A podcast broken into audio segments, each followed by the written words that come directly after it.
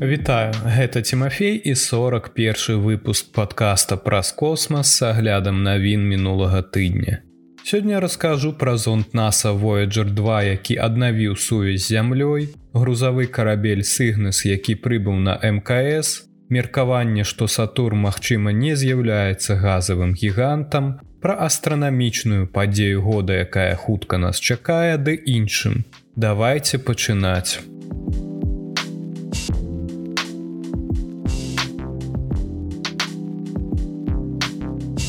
Зонт NASAа Voyager 2 аднавіў сувязь з зямлёй. Доўгатэрміновая місія Voyager 2, якая стартавала з зямлі ў 1977 годзе і ў цяперашні час знаходзіцца на адлегласці каля 20 мільярдаў кіламетраў ад зямлі страціла сувязь з нашай планетай 28 ліпеня пасля таго, як каманда выпадкова перамясціла антэну Voyager 2 на 2 градусы ад зямлі. Дадзеных лабараторыі рэактыўнага руху NASAа ў аўторак першага жніўня быў атрыманы сігнал ад зонта, які дазволіў дыспетчерам місіі зразумець, што ён усё яшчэ спраўны, нягледзячы на тое, што зонт не можа ў поўнай меры звязацца з імі. Voyager 2 запраграмаваны на аўтаматычную перезагрузку некалькі разоў у год у выпадку падобных непрыемнасцяў. Але наступнае акно павінна было быць у кастрычніку.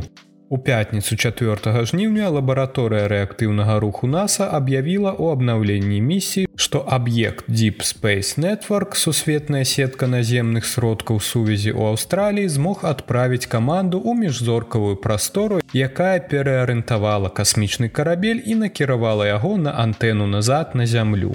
Дыспетчерам місіі прыйшлося чакаць 37 гадзін, каб даведацца, ці была каманда паспяховай. Касмічны карабель пачаў вяртаць навуковыя і тэлеметрычныя дадзеныя, якія паказваюць на тое, што ён працуе нармальна і застаецца на адпаведнай траекторыі, гаворыцца ў заяве.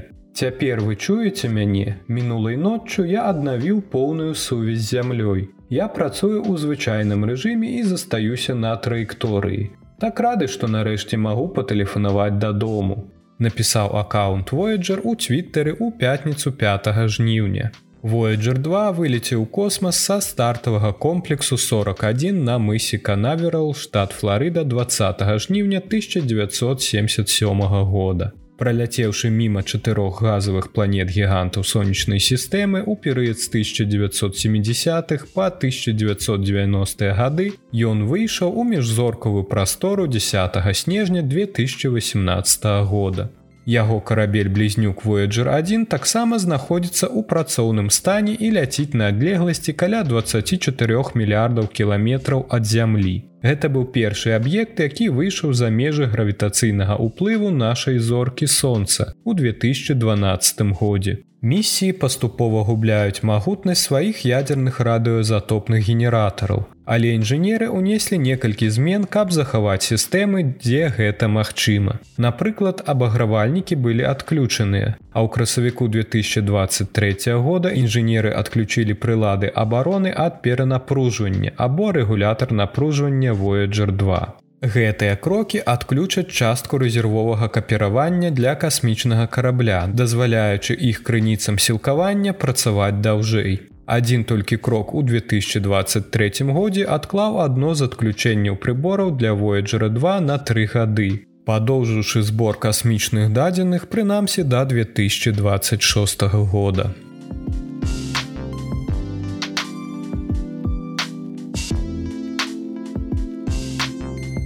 Касмічны грузавы карабель Сігнес прыбыў на касмічную станцыю. Грузавы карабель Сігнес NJ19 прыбыў на міжнародную касмічную станцыю ў пятніцу 4 жніўня. Пасля двухдзённага касмічнага палёту з 3700 кілаграмаў запасаў эксперыментаў і новых тэхналогій на борце. Карабель пабудаваны амерыканскім аэракасмічным гігантам Нортроп Груман і названы ў гонар астранаўта Лорен Кларк, якая загінула падчас катастрофы касмічнага карабля Калумбія ў 2023 годзе. Быў апошнім запушчаным на версіі ракеты Антэры з кампаніі з выкарыстаннем першай прыступкі пабудаванай ва ўкраіне. Карабель прыбыў на арбітальную касмічную станцыю ў 5 гадзін 52 хвіліны раніцай па ўсходнім паясным часе або ў 9 гадзін 52 хвіліны па грынвічы у пятніцу калі ён быў захоплены рабатызаванай рукой касмічнай станцыі якая кіруецца астранаўтамі вудзі хобуртам і фрэнкам рубе. Прычальванне было пацверджана каля 8 гадзін 30 хвілін раніцы па ўсходнім часе Сярод грузу размешчанага ўнутры капсулы новы дазатар пітной вады, які забяспечвае экіпаж міжнароднай касмічнай станцыі гарачай вадой і палепшанай санітарнай апрацоўкай, а таксама карта памяці, на якой захоўваецца творчай работы студэнтаў з усяго свету. Сігнес таксама даставіў абсталяванне неабходнае для некалькіх перадавых даследчых праектаў мкс у тым ліку клеткі чалавечага мозгу, якія будуць культавацца для тэставання геннай тэрапіі. Зон для вымярэння шчыльнасці плазмы над зямлёй і канчатковую версію эксперымента супрацьпажарнай абароны касмічнага карабля. Місія Сігнес NJ19 стартавала з касмадрома NASA Волпс у Вірджыніі ў аўторак 1 жніўня ў 20 гадзін 31 хвіліну. Касмічны карабель будзе прыстыкованы да модуля Юніці станцыі да кастрычніка 2023 года. Гэта была 19 камерцыйная місія па папаўненні запасаў Артнортроп Груман і апошні запланаваны запуск бягучай версіі ракеты Антерис серыі Антерис 230, у якой выкарыстоўваецца першая прыступка, створаная дзяржаўным канструктарскім бюро паўднёвая Украіны і рухавік РД181 ад расійскай кампаніі НВА Энергамарш.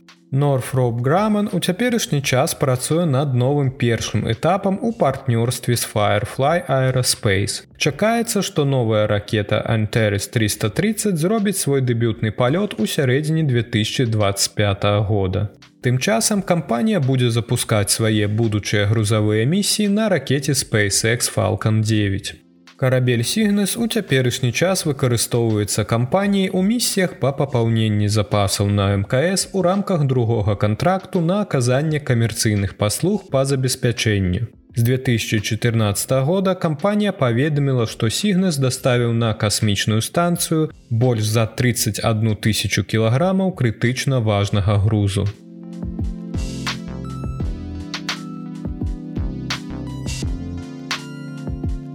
Як доўга вы маглі б выжыць у космасе без скафандра?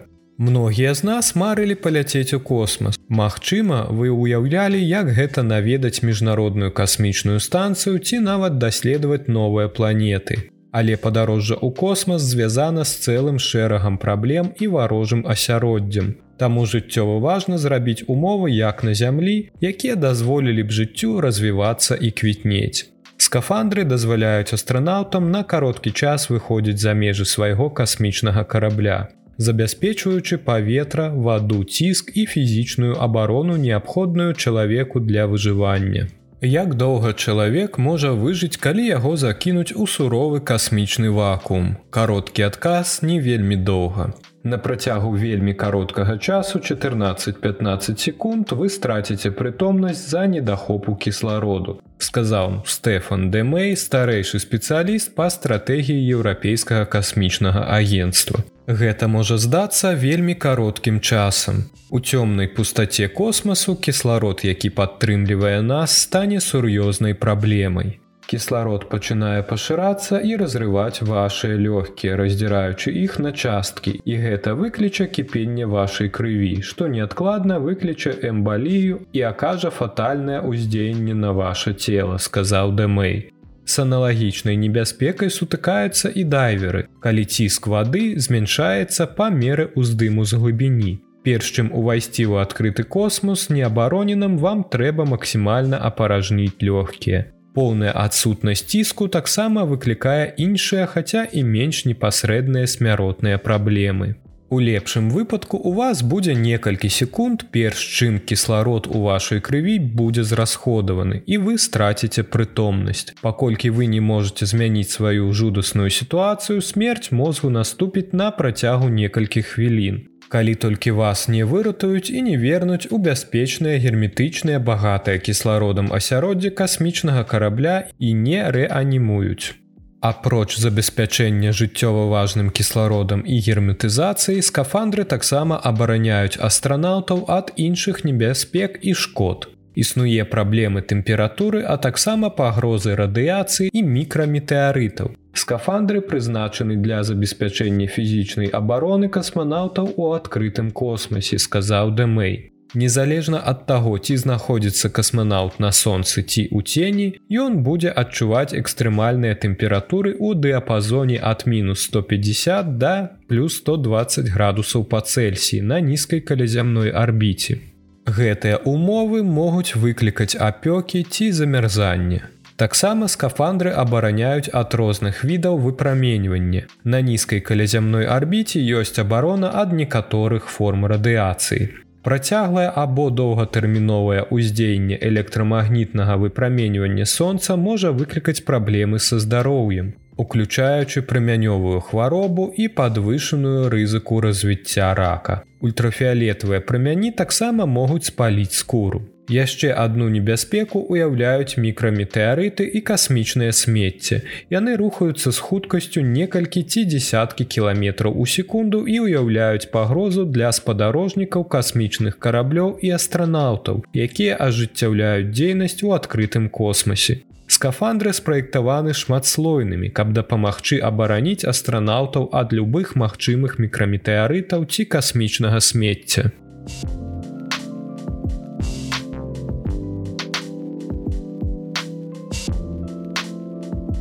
Сатурн, магчыма, не з'яўляецца газавым гігантам. Сатурн сапраўды вялікі, амаль у 100 разоў больш зямлі. Нягледзячы на свае вялікія памеры, кальцавая планета саступае Юпітеру, які амаль у тры разы больш. У выніку з гэтага адзін астрафізік прапануе лічыць Сатурн не сапраўдным газавым гігантам, а хутчэй планеты, якая спрабавала, але трагічна пацярпела няўдачы пры дасягненні вялікага памеру прафесійныя астраномы і шырокая публіка схільныя адносіць Юпітер і Сатурн да адной катэгорыі планет гігантаў. Урэшце рэшт абедзве планеты вельмі вялікія. На абедзвюх ёсць шмат газападобнага вадароду і гелія, які складаюць асноўную частку іх атмасферы. І гэтыя дзве планеты знаходзяцца побач адна з адной у нашай сонечнай сістэме. Але больш глыбокія даследаванні з дапамогай касмічных апаратаў NASAа Касіні і Джуна выявілі істотныя адрозненні паміж планетамі. Напрыклад, у колькасці цяжэйшых элементаў пахаваных глыбока ўнутры іх целаў. Акрамя таго, Юпітер у тры разы масіўней Сатурна, што ўвогуле мае вялікае значэнне. У новым артыкуле Равід Хелат, астрафізік з цэнтра тэарэтычнай астрафізікі і касмалогіі Тюрыхская універсітэта ў Швейцарыі мяркуе, што наша сонечная сістэма мае толькі аднаго сапраўднага газавага гіганта і гэта Юпітер. Уран і Нептун больш вядомыя як ледзяныя гіганты, паколькі яны складаюцца ў асноўным з элементаў, якія адрозніваюцца ад вадароду і гелія. Што тычыцца Сатурна, Хілет сцвярджае, што ён не з'яўляецца сапраўдным газавым гігантам сам па сабе, але яму не ўдалося дасягнуць гэтага статусу. Вырошчванне гіганцкай планеты непростая справа. Ранішняя сонечная сістэма была складаным месцам. Першапачаткова было шмат матэрыялу, які проста круціўся вакол сонца, якое яшчэ расло ў цэнтры. Гэты матэрыял складаўся ў асноўным з вадароду і гелія з невялікай колькасцю цяжэйшых элементаў. Але калі маладое сонца пачало нагрывацца, яно выдзьмала ўвесь гелій і кісларод сістэмы. Гэта азначае, што ў планет ёсць вузкае акно магчымасцяў для дасягнення велічыні. Адзіны спосаб назапасіць больш масы, асабліва з вадароду гелія, гэта быць больш масіўным. Чым больш масіўней штосьці, тым больш у яго будзе гравітацыйнага прыцягнення і тым больш матэрыялу захоча далучыцца да планетарнай партыі. Але планета павінна зрабіць гэта хутка. Пакуль сонца не здзьмула ўсе лёгкія элементы, спыніўшы рост. Раней навукоўцы меркавалі, што Юпітер і Сатурн гулялі ў падобныя гульні, Абедзве планеты дасягнулі вызначанай крытычнай стадыі, неабходнай для хуткага вакуумавання велізарнай колькасці матэрыялу за адносна кароткі прамежак часу. Але Юпітеру ў гэтым працэсе нейкім чынам павезла больш. Але па словах Хеледа у Сатурна ніколі не было шансаў. Крытычны парог, пры якім планета можа атрымаць неабходную колькасць вадароду і гелія, прыкладна ў 100 разоў перавышае масу зямлі. Юпітер лёгка абыходзіць гэта. І гэта значыць, што ён набыў матэрыялу ў вонкавай частцы сонечнай сістэмы да таго, як сонца здзьмула яе. Уран і Нептун таксама былі занадта малыя, каб дабіцца такога нестрыманага поспеху а Сатурн знаходзіўся проста ў пераходнай зоне. Калі б ён быў хоць крыху больш, то мог бы супернічаць з Юпітерам за званне найвялікшай планеты сонечнай сістэмы. Замест гэтага Сатурн затрымаўся. Ён стаў дастаткова вялікім, каб выцягнуць значную колькасць вадароду і гелію адной толькі сілай гравітацыйнай волі, але не настолькі, каб запусціць гэты працэс у паскорыным рэжыме. Такім чынам, ва ўсіх сэнсах і мэтах Сатурн не газавы гігант, кажа Хелет. Гэта азначае, што нягледзячы на падабенства на ўзроўні паверхні Юпітер і Сатурн развіваліся зусім рознымі шляхамі, што тлумачыць іх глыбейшыя адрозненні. Яны ў тым, як развіваліся гэтыя две планеты. І гэта можа дапамагчы нам зразумець не толькі тое, як развівалася наша уласная сонечная сістэма, але і тое, як узніклі зорныя сістэмы па ўсёй галактыцы.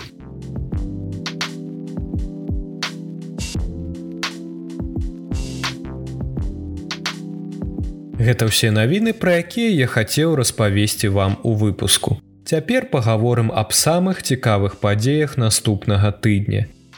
Сёмага і 8 жніўня SpaceX запусціць партыю міні-спадарожнікаў Starlink V2 для сваёй групоўкі высокахуткасных нізкаарбітальных інтэрнэт-спадарожнікаў другога пакалення з Флорыды і Каліфорніі. 9 жніўня кітайская ракета Long March 2C запусціць невядомую карысную нагрузку. 11 жніўня ракета Саюз 21B і фрегат М запусціць місію Луна 25. Луна 25 місія федэральнага касмічнага агенства Росіі Роскосмос па высадцы на месяц. Яна прызямліцца недалёка ад паўднёвага полюсу месяца ў багуслаўскім кратары. Місія была перайменавана з пасадачнага модуля Луна Глоб у Луна 25, каб падкрэсліць пераемнасць савецкай праграмы Луна з 1970-х гадоў. Першапачатковыя планы місіі прадугледжвалі выкарыстанне пасадачнага модуля і арбітальнага апарата. У сваім цяперашнім выглядзе Луна 25 уяўляе сабой толькі пасадачны модуль, асноўнай задачай якога з'яўляецца праверка тэхналогіі пасадкі. Місія будзе несці 30 кілаграм навуковых інструментаў, у тым ліку рабатызаваную руку і магчымае буравое абсталяванне. Пасадачны модуль павінен заставацца актыўным на працягу як мінімум аднаго года на паверхні месяца. Ён складаецца з двух частак: рухальнай часткі заснаванай на прыступкі фрэгат і навуковай часткі, якая змяшчае асноўны бартавы камп'ютар, а таксама розныя бартавыя эксперыменты з Швецыі, рассіі і Швейцарыі. Луна 25 першая місія новай расійскай месячнай праграмы, якая ўключае ў сябе запуск месячнага арбітальнага апарата Луна 26, які складзе дакладную карту месячнай паверхні. Луна 27 цяжкі пасадачны модуль, які вывучыць склад месячнага грунту шляхам збору некалькіх узораў. Місія Луна 28 па вяртанні месяцовых узораў будзе першай місіяй, якая верне ўзоры пры месячнай тэмпературы і паслужыць дэманстрацыяй для будучай місіі па вяртанні марсіянскіх узораў. Нарэшце Луна 29 павінна пасадзіць на паверхню цяжкі месяцаход. Калі вы не хочаце прапусціць адну з самых цікавых і вядомых астранамічных падзей года, то не выключайце падказ на гэтым моманце. Абставіны сёлета будуць амаль ідэальнымі для назірання прагназуемага максімуму штогадавога метэарытнага потоку персіды ў ноч з 12 на 13 жніўня. Многія людзі на жнівеньскіх канікулах у цёмны час сутак выяўляюць гэтыя метэарыты самастойна. Адпачывальнікі ў канцы лета часта выцягваюць свае спальныя мяшкі знамётаў, каб атрымаць асалоду ад гэтай з'явы. Сёлета метэорны поток персіды актыўны з 14 ліпеня па 24 жніўня. Вы можете назіраць яго ў любы дзень на працягу гэтага перыяду часу. Максімальная колькасць метэарытаў будзе відаць 13 жніўня, калі поток дасягне свайго піка. Персіды будуць вырабляць каля аднаго метэора ў хвіліну для назіральнікаў пад цёмным небам. Любое светлавое забруджванне або месячнае святло значна памяншае шансы. Маючы гэта на ўвазе, абярыце месца для назірання, дзе паблізу няма яркіх агнёў з шырока адкрытым аглядам неба і пажадана як мага далей ад гарадскога светлавога забруджвання. Я абавязкова яшчэ раз нагадаю вам пра гэтую падзею ў сацыяльных сетках падкаста. Калі вы яшчэ не падпісаліся, то зараз самы час зрабіць гэта. Дзякуй, што даслухалі да канца.